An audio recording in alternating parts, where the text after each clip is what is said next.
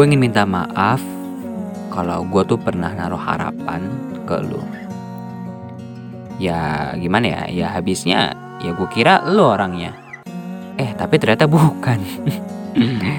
ya ya gue tahu kok kebahagiaan itu tanggung jawabnya masing-masing. Dan gak seharusnya gue maksain bahagia gue tuh sama lu. Tapi ya mau gimana lagi gitu kan? Namanya juga perasaan.